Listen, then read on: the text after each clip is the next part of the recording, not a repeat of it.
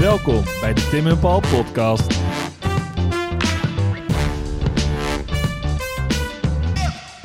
Op 5 mei was de oorlog voorbij. Maar niet in Amsterdam. Op 7 mei 1945 is er nog een gigantisch bloedbad op de Dam. Meer dan 22 mensen kwamen om. Tim en Paul gaan vandaag op zoek naar de oorzaken en de aanleiding van deze schietpartij vanuit de grote club.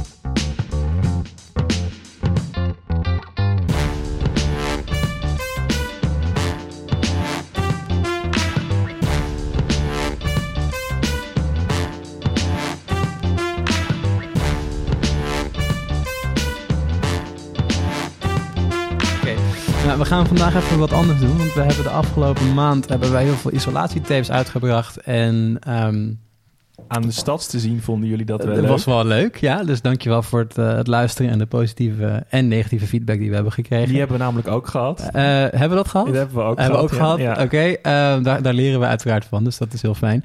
Eh, vandaag gaan we even wat anders doen, want eh, we dachten het is ook wel weer leuk om wat Even op de actualiteit in te spelen. actualiteit in te spelen, maar ook even een beetje pas op de plaats. Even wat rustiger, Ja, een langer verhaal te vertellen. Precies. Want geschiedenis heeft ook soms het Dan- verdient om Ja. wat meer uit te breiden dan 8 à 10 minuten over Philip Freriks. Ja. Niks mis mee. shout-out naar Filip. Sowieso. Ehm, daarom dachten we dat het leuk was om het te gaan hebben over de bevrijding van Amsterdam.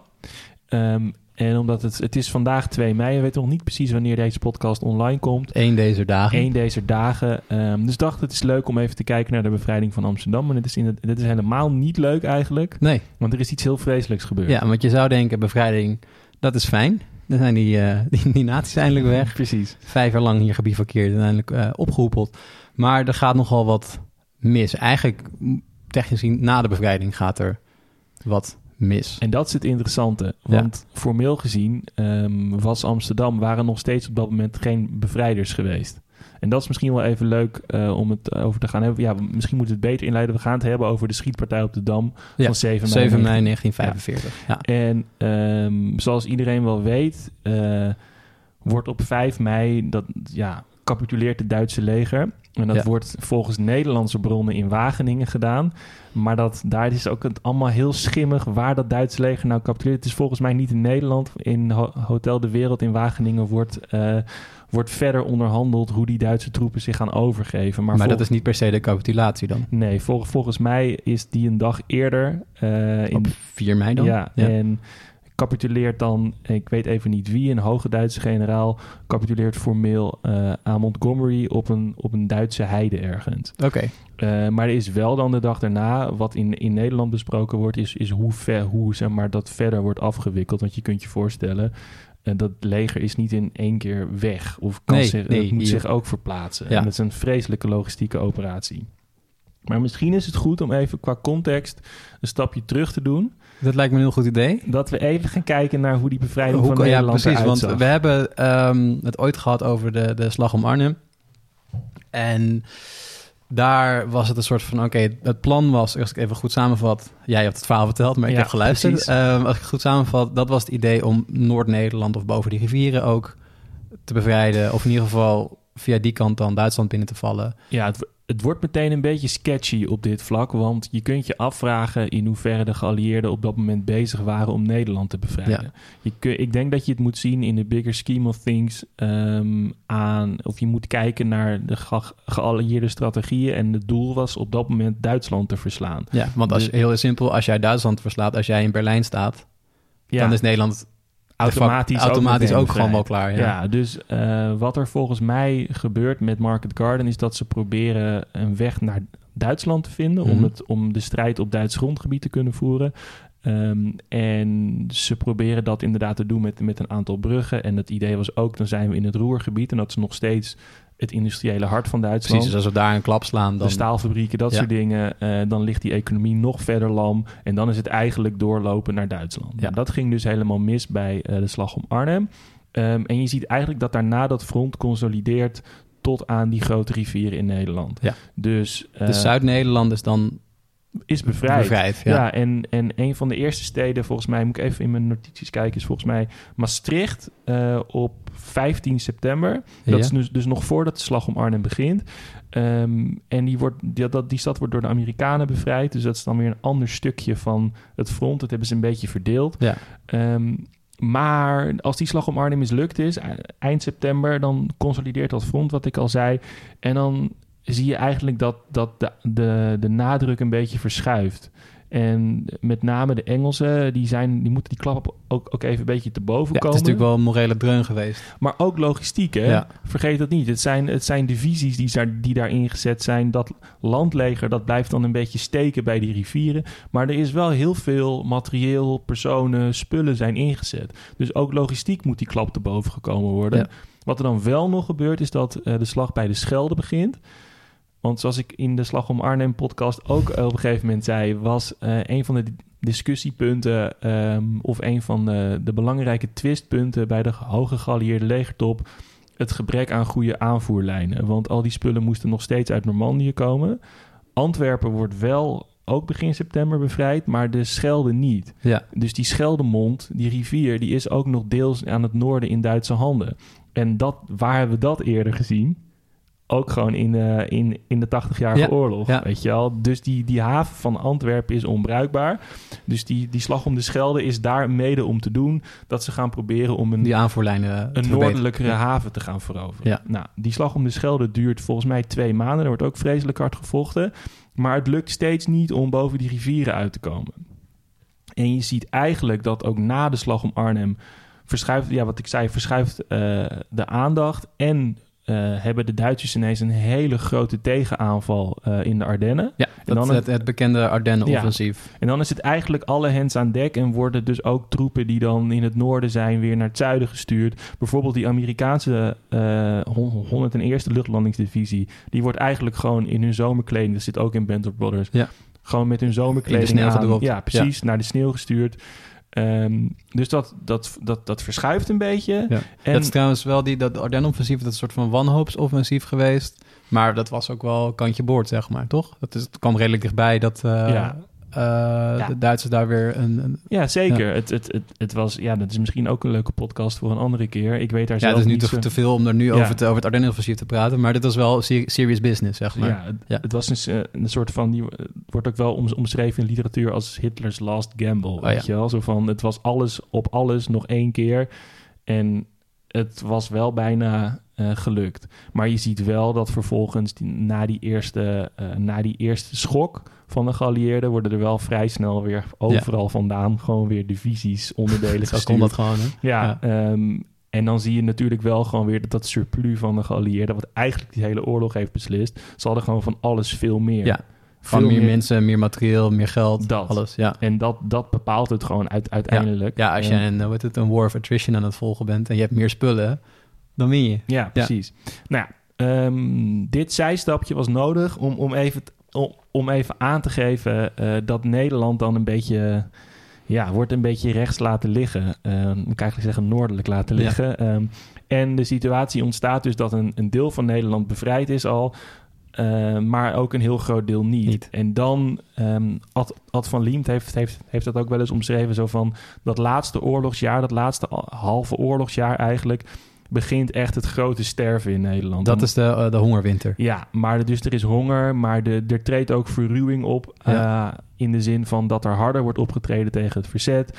Er worden meer ja, Joden afgevoerd. Het, het, het verruwt gewoon Ja. echt significant. Maar dat is natuurlijk op zich ook wel te, natuurlijk goed te verklaren. Nu Die hongerwinter, het is gewoon, dat is natuurlijk koud en, en ellende. Maar de, de, de maatregelen die de, die de bezetters nemen, dat is natuurlijk, ja, die worden verslagen.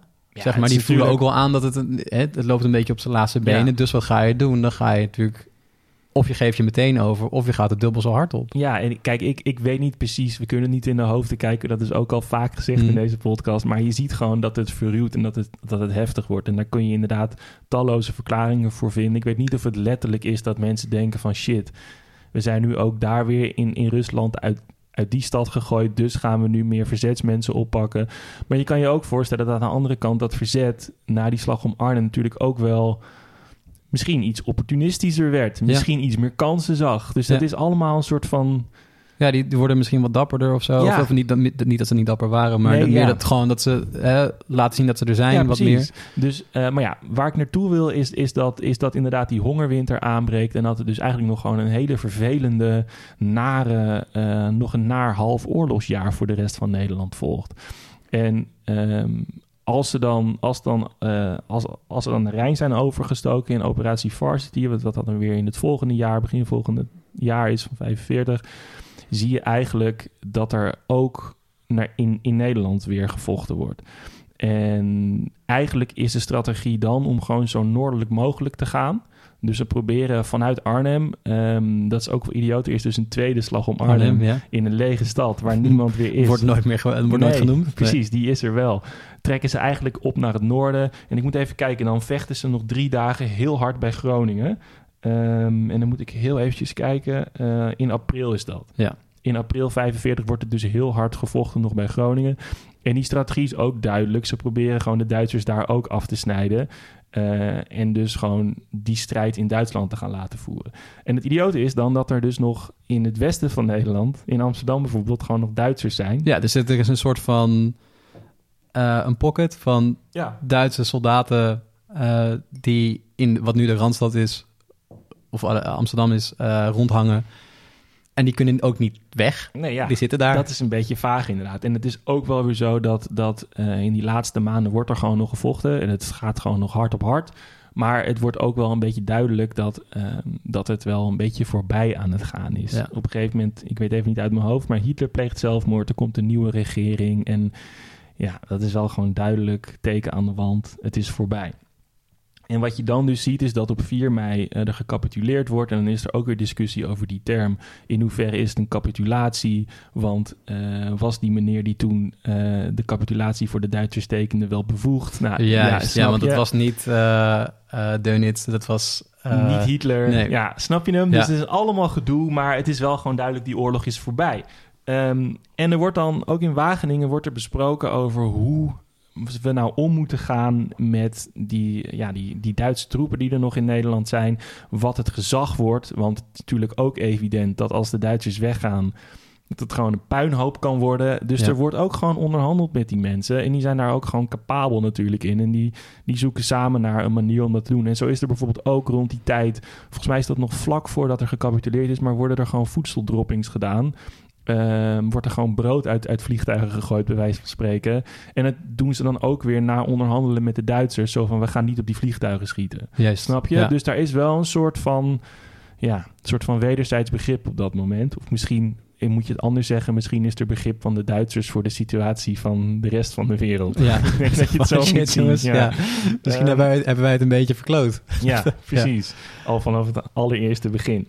Nou, dus het gekke is dat er eh, in heel Nederland is er zo'n soort patroontje van er eh, in die stad die dan eh, bevrijd zal gaan worden. Dan, kan, dan zien mensen de eerste verkenners aankomen rijden. Nou, dan ontstaat er een volksfeest, één grote, Ja. één grote toestand. Vlaggen gaan uit. Vlaggen gaan uit, die bevrijders worden onthaald. En op dat moment zijn die vooral bezig om zo snel mogelijk ook weer door te rijden, omdat zij zo snel mogelijk naar het noorden moeten. bij Ja, het gewoon spreken, weet je. Precies. Ja. Nou, er is wel een soort van reuring, een soort van volksfeest.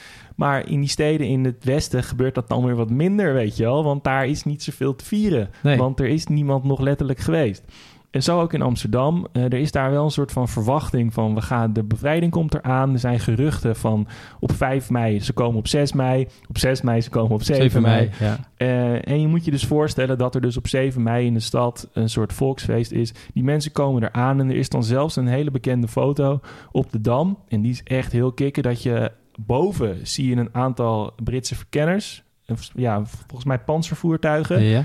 Zeg maar naar, van de foto van links naar rechts rijden Ja. in de mensenmassa. En, en, op, en daaronder zie je van eh, rechts naar links rijden Duitse eh, vrachtwagens met militairen. Die gaan de andere kant op. Ja. ja. In een soort van gewapende vrede. Ja. Van wij maken dat we wegkomen.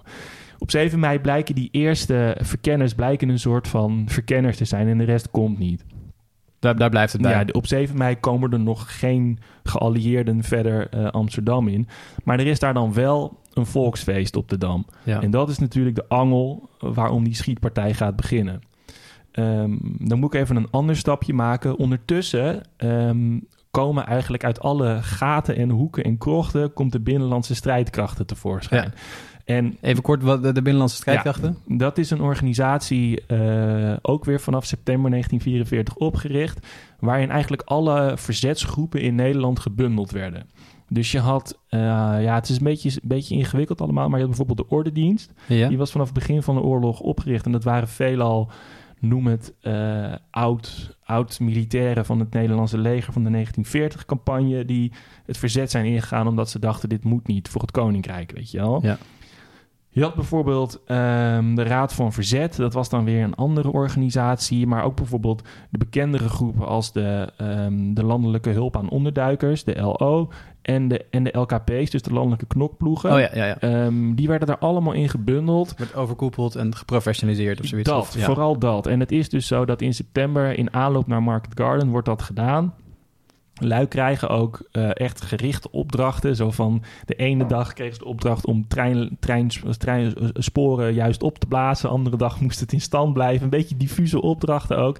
Maar je ziet wel dat er over nagedacht wordt vanuit Londen. En ons aller Prins Bernhard wordt Ja. dan natuurlijk ook weer... de Schavuit com- van Oranje. Ja, die wordt de commandant van de Binnenlandse Strijdkrachten. Tuurlijk, tuurlijk, Vet, ja. weet je wel. Nou ja, ehm, Ook maar... een podcast waardig, Prins Bernhard. Precies. Waar gaan we hem doen? Maar wat je dan ziet is dus dat, ehm, dat die binnenlandse strijdkrachten dus wel ook weer een soort van opdracht krijgen in die naderende bevrijding. Ehm, ja, dat ga ik, ja, dat moet, ik moet het even zo opbouwen. Ze krijgen een op, op, opdracht in die naderende bevrijding. En dan moet je vooral denken aan het, aan het bewaken en beveiligen van essentiële infrastructuur. Bruggen. Dat soort Wegen, dingen. ja. Ja. Postkantoren toen heel belangrijk. Wie komt er nog? Te- telefooncentrales, geldkantoren, dat soort dingen moesten zij gaan bewaken. En ehm, wat, je dan, eh, ja, wat je dan ziet, is dat ze daar niet, dat ze dat, die opdracht krijgen ze vanuit, eh, vanuit het koninkrijk, vanuit de regering. Maar tegelijkertijd zijn zij niet een formele combatant. Weet je, ze zijn geen Nee. partij in die oorlog. En dat is iets heel Nee, het zijn in vreemds. principe gewoon gewapende burgers. Ja, Ja. En, en dat is die- dus iets heel vreemds om je te realiseren. Ehm, en dat leidt natuurlijk ook tot problemen. Want die gasten zijn wel bewapend. Die Ja. hebben uit wapendropping stanguns gekregen, pistolen. Dat is Wellicht ook nog een soort wrok gevoelens, Nou. behoorlijk. Om het even Ja. zacht uit, eh, ja, uit te even drukken. een understatement Ja. erin te gooien. Ja. Ehm, maar er is wel dan weer besproken met de Duitsers dat, eh, de, eh, dat die Duitse troepen zich niet hoeven, of ik moet het anders formuleren, die, mogen, die hoeven zich alleen maar over te geven aan geallieerde soldaten. Ja, en niet aan de binnenlandse strijdkrachten dus. Kijk, en dat Ja. is dus natuurlijk meteen een grijs gebied. Zo van wie zijn dit dan? Ja. Hebben zij enige jurisdictie? Hebben zij enige eh, ja, macht? Wat mogen ze wel, wat mogen ze niet?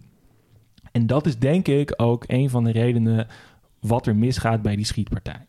Ehm, dan ga ik dus, dus... Zullen we dan weer even naar de schiet, schietpartij gaan? Ja, ja, want de situatie is dus... De spanning loopt, loopt op in Amsterdam. De rest van... Min of meer alles is bevrijd. Amsterdam zitten nog eh, Duitse soldaten. En de macht, de politiemacht eigenlijk... Dat is in handen van ex-verzet... Of verzetsleden, En de, en de normale eh, ja, politie die er nog wel is. Maus is er ook nog. Toen hebben natuurlijk ook een hele aparte rol gespeeld tijdens de oorlog. Ja. Maar dus in dat ding is het wel Ja. zo van, wat gaat er gebeuren? Ehm, en ik denk dat het goed is dat we dan weer even teruggaan naar die, eh, naar die schietpartij. Het is dan op de Dam. Eh, het staat echt zwart van de mensen. Ja. En, ehm, Ja, die denken natuurlijk... Hey, Ja, die panzervoertuigen, die Ja. verkenningsvoertuigen zijn hier. We gaan... Eh, any moment now. Ja. Weet je wel, dat idee. Ehm, en wat er dan gewoon gebeurt, is dat vanuit de grote club... en die zit niet waar nu de grote industriële club zit... nee? Die zit naast eh, het, het paleis. Daar zit een soort van bankje, een soort bankkantoor als je de, Kalverstraat de in Rabobank zit daar als het goed is nu. Ja. Ja. Vanaf, vanuit dat gebouw Ja? beginnen ze dus, dus te schieten op die menigte. En dat gaat zo'n beetje in de richting van, ja, die vol, is dat een nieuwe dijk, daar die daar weer begint? Ja, als je vanaf daar staat en kijk je op de nieuwe dijk, Damrak. Ja, precies. Ja. Dus dat gaat gewoon huts, rats, dat hele plein over. Ehm, en die beginnen te schieten. En het meest logische zou nu meteen om, zijn om te zeggen... eh, toen zijn er 22 mensen omgekomen en meer dan 100 zijn er eh, gewond geraakt. Maar daar is meteen ook weer een heikel punt. Dat weten we niet zeker. We weten niet precies ehm, hoeveel mensen hierbij zijn, zijn, zijn omgekomen. Maar de meest geaccepteerde aantallen zijn 22 doden en meer dan 100 gewonden. Ja. En waarom zeg ik dit zo, zo nadrukkelijk? Eh, omdat we eh, het niet, ja, we weten het niet. En dat zeg ik zo nadrukkelijk, omdat er geen rapport is opgemaakt na de oorlog.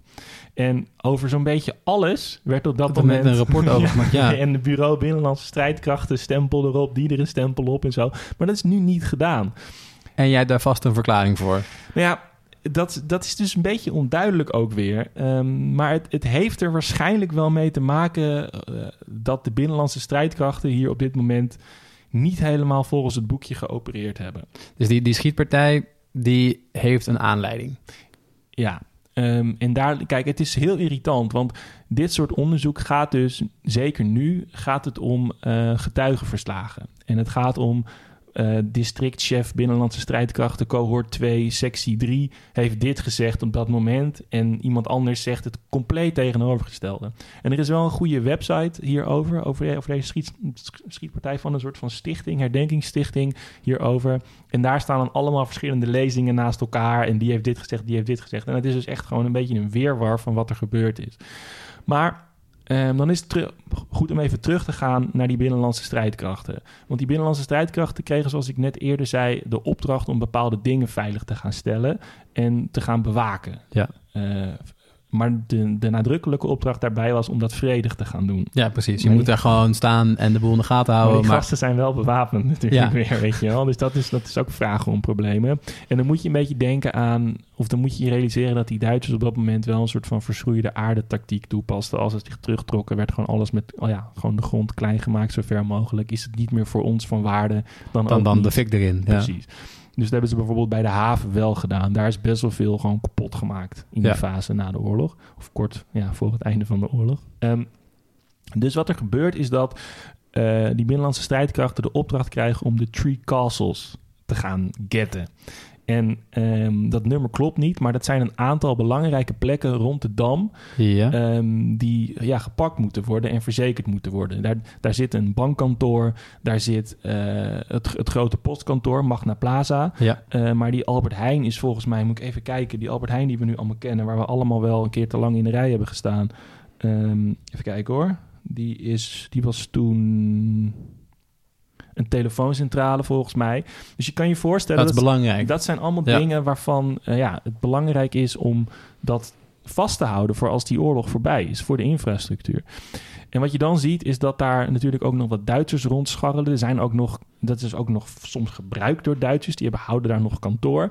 Dus die mensen, eh, er zijn foto's dat je, dat je Duitse soldaten met hun handen omhoog onder schot gehouden ziet worden door de binnenlandse ja, strijdkrachten. dat is niet de bedoeling. En dat is niet helemaal wat er gebeurd Ah, had moeten. nee. Ja, had moeten, ja, gebeur, had moeten Wat gebeuren. we al afgesproken. Ja. Ja.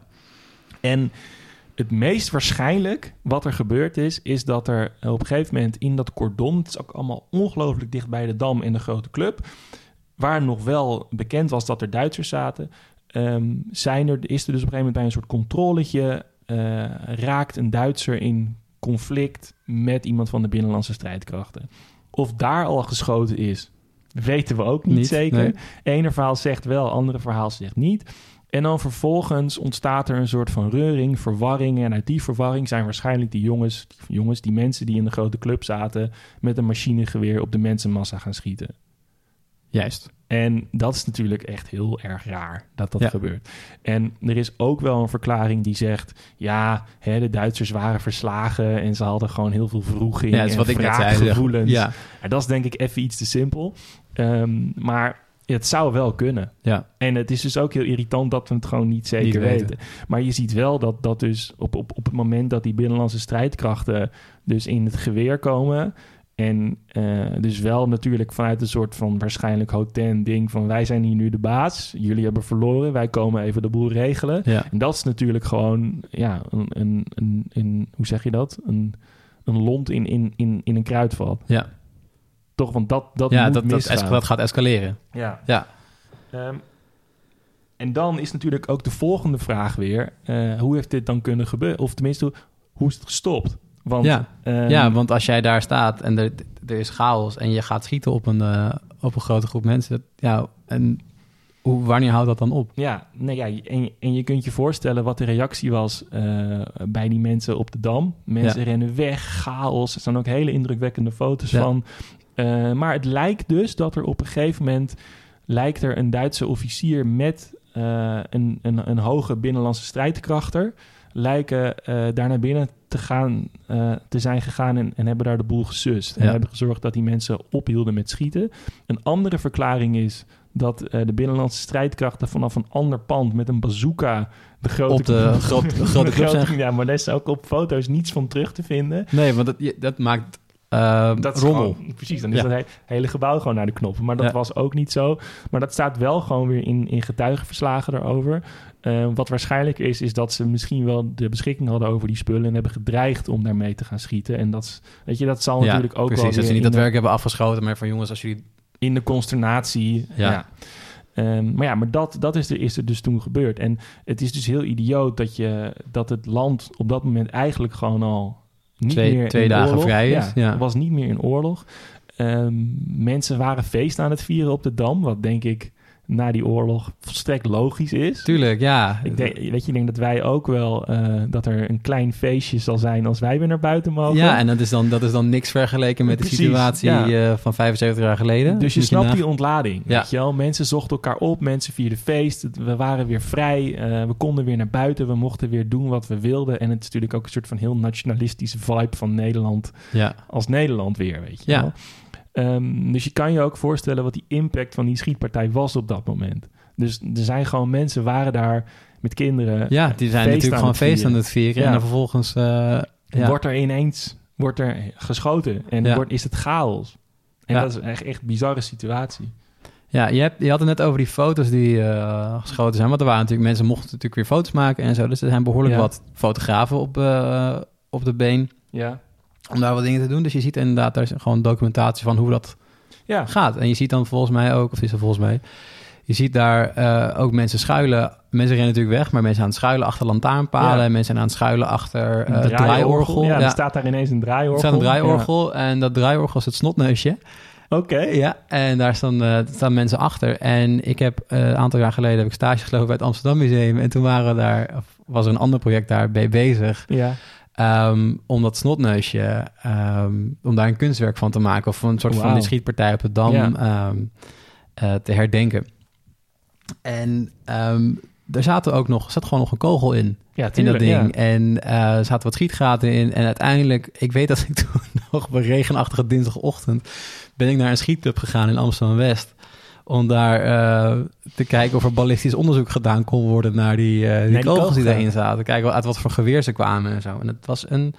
Ik ben het even kwijt aan mijn hoofd... wat voor een, eh, wat voor een geweer, wat voor een kaliber die, die Ik kogels ben, waren. ik, ik ben er wel benieuwd naar. Want, want 19 millimeter. nee, je, hebt, je hebt 9 mm. Ja, Of je hebt ehm, in die tijd ja, punt 3, zeg maar. oké. En zeg maar 9 mm is, is meer pistoolmunitie. en dat, en dat wordt, wordt ook wel gebruikt in pistoolmitrailleurs. Ehm, en die andere, dat zijn meer geweerkogels. Ja, het Dus die waren zijn- lange... Ja, die zijn ja. wat langer. Ja. Ja, en ja, want dat, dat is ook, ook nog iets wat nog altijd niet helemaal volgens mij opgehelderd is. Met wat voor wapen er geschoten is, bijvoorbeeld. Want het, het maakt nogal een verschil of het een pistoolmitrailleur is, wat zeg maar kortere kogels heeft. En dat is heel erg dodelijk op zeg maar de korte afstand. Ja. Dat is een beetje bij, bij Band of Brothers en Call of Duty altijd. Dat je dan gewoon een beetje rond aan het, aan het eh, eh, schieten bent met dingen. ja. Maar als een machinegeweer is, die heeft eigenlijk die geweermunitie. Dus die grotere Die kogels. grote... Ja, Ja. En, dan, en dat is dus op veel langere afstand is dat dodelijk. desastreus. Ja. Ja. Dus Ja. dat is ook wel... Ja, Ja, dat is- het, het, het is bekend. Ik ben het even vergeten wat, wat, het, wat het eh, kaliber is. Maar dat is dus Dat onderzocht. bestaat, Ja, ja. ja. dat bestaat dus. Ja, ja. ja. Oké. Wel, wel vet verhaal. Ik weet niet of het daarna ook nog deed, het orgel. Maar ik hoop het wel. Ik denk het niet, eerlijk gezegd. Nee. En het idiootste is nog dat die mensen van eh, de Kriegsmarine... eigenlijk eh, nog een dag in die grote club blijven. Die worden niet gearresteerd, weg, weggevoerd. Pas de volgende dag, want dan zijn de Canadezen in de stad op 8 mei, ko- komen die binnen. Dan worden die pas opgepakt. Dat is ook idioot, toch? Ja, Die hebben en er wordt niemand, niemand bestormt dat gebouw of... Nee. nee. Nee, en, en dan wordt er dus nog wel in... ehm, er wordt ook gewoon teruggeschoten. Dat heb ik ook nog, nog niet verteld. Ja, er maar- zitten nog steeds zitten kogelgaten in dat pand. Ja, want het checken is dat die, eh, dat, die, dat die binnenlandse strijdkrachters... die staan er ook met een steengun. En Ja. met wapens die ze net notabene van Duitsers hebben, hebben, hebben, ingenomen... wat ze eigenlijk niet mochten doen. Eh, en die beginnen dan natuurlijk gewoon een beetje Ja, terug logisch, te schieten ja. op dat ding. En toch in die chaos eh, slagen mensen erin om het te laten stoppen. En dat is natuurlijk ook wel een prestatie van wereldformaat. Ja. Maar het idioot is inderdaad dat er niet zoveel met die mensen gebeurt in die grote club. En dat het eigenlijk Die hebben ook niet later nog een soort ehm, extra straf gekregen. Daar, daar ben ik, daar Ja? ben ik naar, naar op zoek geweest. En ik kwam daar eigenlijk niet, niet helemaal uit. Eh, ik kon dat niet zo goed vinden. Ik kan me voorstellen dat als je, je natuurlijk, ehm, de Duitsers hebben afspraken gemaakt met de geallieerden en het loopt uit de klauwen. En je weet sowieso dat er mensen van de, de Kriegsmarine die hebben daar, wat nou, ongeacht wat aanleiding is, die hebben die afspraak ook Ook geschonden. geschonden. ja, Dus je kan me voorstellen dat er dan streng wordt opgetreden tegen die, eh, die mannen. Ja en, en sowieso, hè, dat is misschien ook wel interessant om een keer een podcast over te maken. Überhaupt is na de oorlog is er eh, zo hard ja, gewoon gezocht naar iedereen die tijdens de oorlog iets, iets, iets aan te rekenen was geweest. En dat is een soort eh, heel ding geweest. Het Centraal Archief is daar nu van, van ja, de bijzondere rechtspleging. Die bijzondere rechtspleging heeft gewoon na de oorlog eigenlijk iedereen die de schijn tegen had onderzocht. Ja. En dat ging dus ook voor, voor Duitse militairen die nog in Nederland waren. Ehm, dus daar zijn ja, idiote dingen van. Dus ik kan me voorstellen dat die mensen eh, van de Kriegsmarine die daar zaten, daar wel ja, ook Consequenties nog van hebben ja, maar ik, gekregen. ja. En, en ik weet dus ook niet of, of dat... Ik, ik heb er ook wel weer naar gekeken, maar ik kon het niet zo goed vinden... of die mensen nog extra gestraft hiervoor zijn. Nee. En ik weet wel dat in de contemporaine nieuwsberichten... de Nederlandse nieuwsberichten... dan wel werd gezegd dat er 50 van die mensen omgekomen waren. Maar waarop, waarop dat gebaseerd is natuurlijk ook... 50 van die Kriegsmarine. Ja. Maar die, zijn dan, die moeten dan geëxecuteerd zijn ergens Nee, maar of zo. gewoon in die schietpartij Oh, in die schietpartij, ja. Maar dat lijkt me ook niet helemaal... een vrij groot aantal, ja. Zeker niet als dat getrainde militairen zijn. Nee. Die, we- die Nee. eigenlijk tegen ja, wat. Ja, Dappere gewapende burgers. ja precies. ja, ja. ja, ja, Maar het is wel, het is wel een van. de ik vind het een van de meest absurde dingen die, Ja. Eh, die in, de, in de oorlog wel echt is gebeurd. Ja, en ik, wat, ik, wat ik ook wel een beetje vreemd vind, is dat het niet heel erg ehm, bekend is. Nee, Het is een soort van, oké, 5 mei, bevrijdingsdag. ja. Oké, maar Ja, er is wel een monument ook, ook recentelijk volgens mij voor ja, gemaakt. En- dus, en eh, op de dam zijn de, de namen van mensen, in ieder geval van de bekende slachtoffers, Ja. liggen daar namen op de, op de grond. Ehm, maar dat is vrij recent. Ja, Ja, dat is denk ik een aantal jaar geleden. Dat heeft ook, ook, iets met die website te maken, waar ik, Hm. waar ik, die, die, die best wel interessant is. En er is ook een boekje gemaakt toen, volgens mij. ja Misschien dat, ook, dat dat ook te maken had met, eh, met dat kunstwerk. met dat orgel Ja, inderdaad. ja, ja, volgens mij wel. Tenminste, het viel allemaal min of meer... 2015 of zo was dat ongeveer. Zo, ja, dat is 14, 70 jaar na de 15. oorlog natuurlijk. Ja. Dus dat, dat zou kunnen. Kijken, ik liep stage in 2013, toen ik nog jong en ambitieus was. en dat is, ja, dat is het logisch dat het dan een jaar, twee jaar later, dat het Oh, dan ja. tot wasdom is natuurlijk. Ja. Ja. Ja. dus dat zou, lijkt mij ook een logisch jaar om dat, eh, om dat te doen. Ja, Maar wat er de, dat, dat zeg je goed hoor, dat, er, dat het niet iets heel bekends is. Nee. Van in zeg maar, de Tweede Wereldoorlog context in Amsterdam. Maar er is dus nog iets geweest, eigenlijk op dezelfde dag, eh, bij het Centraal Station. oké. Waar ook niemand iets over weet. Ik weet daar mij. precies niks van. En dus- het is ook heel sketchy. Ehm, want je moet je voorstellen dat, eh, dat dit natuurlijk eh, nogal wat, wat eh, reuring opleverde, die schietpartij op de Dam. Ehm, en er kwamen dus ook gewoon allemaal soldaten uit de stad. Die maakten ook dat ze daar wegkwamen. Die hadden natuurlijk ook helemaal geen, geen zin meer in, Duitse militairen. Dus die gingen richting Centraal Station. En daar was wel al die hele dag iets, iets aan de hand waarin... Duitsers op de trein werden gezet. Gewoon, ga maar gewoon weg. Ja, Weet je, doei. dat is Ja. allemaal wel prima. Maar dan moet je je ook realiseren dat er in het Victoria Hotel zat er nog een contingent SS'ers. Juist. En dat zijn ook dan niet de meest leuke mensen. Nee, überhaupt niet echt leuke mensen. Nee, zeker niet. nuance, maar Zeker niet op zeker dat niet moment. dat soort moment, nee. Ja. eh, en het is ook wederom weer volstrekt vaag wat er aan de hand is. Ehm, maar dat wordt ook gewoon een soort van schietende mayhem. Ja, maar daar zit ook een... ehm, als je bij het Victoria Hotel bent, dan staat daar ook een gedenksteen. Ja, en, en daar is een, een, een mevrouw omgekomen. Ja. Eh, volgens mij was dat uit mijn hoofd een, een Duitse immigrant. Die, eh, of in ieder geval sprak zij Duits. En zij ging proberen om de boel te sussen. En te vertellen uh, van jongens, het is één groot misverstand. En die is dus gegrepen door, door de kogels, om het maar even Jezus, ja. hard uit te drukken. En er, en er is nog iemand omgekomen die in, in het verzet zat. En die, en die was ook daar voor, dat, voor zeg maar, het gebied tussen het, het, het station en, uh, um, en ja, het, hotel. Maar er is dus ook nog in een aantal vleugels van het hotel, een aantal ruimtes, is er ook nog gewoon gevochten. Ja. En dat is super sketchy, want daar horen we ook eigenlijk niks Nee, ik wist dit niet. Nee. Het is dat je nu zegt, ik, oh ja, ik ben er wel eens langs gefietst en ik zie daar een steen staan. Ja. Of er, er, er is daar een naam te, te lezen en uh, that's it. Ja. ja. Maar het rare is dus in, in dit hele verhaal, hè, wat ik net ook al zei, dat dat rapport er niet is. En nee. dan ga je toch wel een beetje. Ik, ja, je gaat toch een beetje speculeren. En, en dat was ook in een andere tijden aflevering hierover, waar ze met nog een aantal laatste mensen die niet, niet echt op de dam waren, maar wel bij het verzet en dus iets vanuit het verzet hadden meegekregen daarvan. Um, gingen ze kijken wat er dan gebeurd was. En daar werd, werd dit ook steeds genoemd, dat het rapport er niet is. En dat het zo, Dubieus, zo ja. vreemd is ja. waar dat dan is, weet je wel. En wat ik net ook zei, zeker in een tijd waarin eigenlijk over alles wel een rapport werd gemaakt waarop getypt werd en op dit en op dat. En de suggestie is dus, of, of de aanname is wel echt dat dat er niet is, omdat... Omdat de, de binnenlandse strijdkrachten een boekje te buiten zijn ja, ja, laten we zeggen, omdat die in ieder geval een dubieuze rol hebben gespeeld. Ja. En dat is ook wel weer iets heel interessants, hè? Want die hele binnenlandse strijdkrachten was sowieso ja, toch een beetje een rare club, want Um, dat is ook dat bekende verhaal dat na de bevrijding... De coat en de bie van iedereen het verzet in en ja, uh, daar daar is der baanhof. Precies, en dat ook iedereen, dus, dus, ook gechargeerd natuurlijk... maar dat iedereen in het verzet had gezeten. Ja. En dat iedereen met zo'n oranje band rondliep... en in een blauwe overal rondliep, weet je wel. En ik wil helemaal niet balinerend doen over het verzet tijdens de oorlog. Want dat was er wel gewoon. En die hebben ook hele bijzondere dingen gedaan. En dat was gewoon een ding op zich. Maar het is wel ja, saillant. Het is op, op 6 mei is het makkelijk, 1945 makkelijker aanhaken bij het verzet dan in uh, 6 mei 1940. Ja, ja. precies. Ja. ja. nee, maar dat zit er wel heel, heel, erg in. En het is ook wel weer interessant omdat die binnenlandse strijdkrachten natuurlijk ook... Um, dat klinkt wel heel mooi dat iedereen met elkaar samenwerkte, maar dat was natuurlijk, natuurlijk niet, ook zo, nee. niet zo. Dat waren allemaal Mensen hadden eigen, uh, hadden eigen verzetsgroepen die daar dan vaak in opgenomen werden. Um, in die binnenlandse strijdkrachten werd het ineens super hiërarchisch, waarin echt dis districtshoofden waren. En, ja, het wordt een militaire organisatie ja, dan. Precies. Ja. Um, en dan moet je ook gewoon bedenken dat dat, dat verzet vanaf het begin eigenlijk al ja, ingekaderd was naar geloofsovertuiging ook. Hè? Je had, verzuild.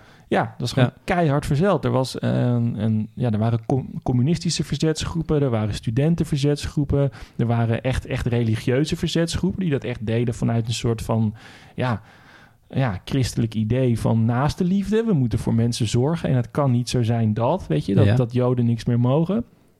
En dan was er natuurlijk, waren er ook gewoon verzetsgroepen, um, ja, als ik het even flauw zeg, een soort halve boeven. Die ja toch al buiten de samenleving stonden en dat nog steeds stonden en dat ja, nog steeds deden. En ook die mensen hebben gewoon, ja, het is ook weer heel flauw om te zeggen, prima dingen gedaan, maar meer zo van, die hebben ook gewoon bijgedragen aan, ja. um, aan het verhelpen van die, van die bezetting in Nederland. En het, en het, noem het even, het verjagen van, van de Duitsers.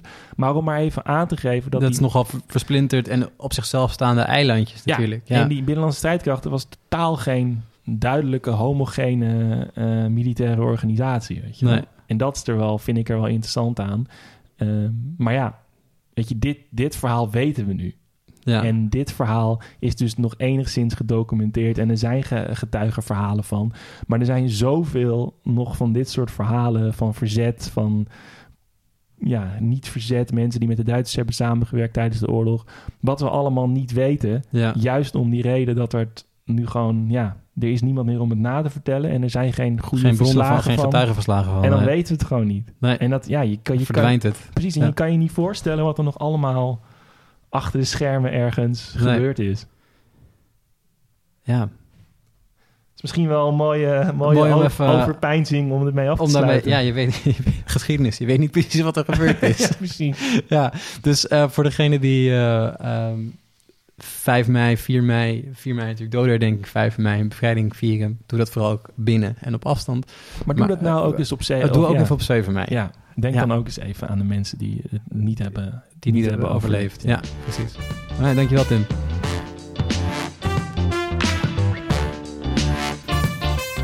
Vond jij dit nou een interessant verhaal en wil je meer over geschiedenis weten?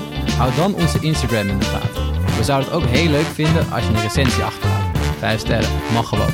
En heb je nou een vet idee waar we het over kunnen hebben? Slide dan in onze DM's. Durf gewoon te vragen. Tot de volgende.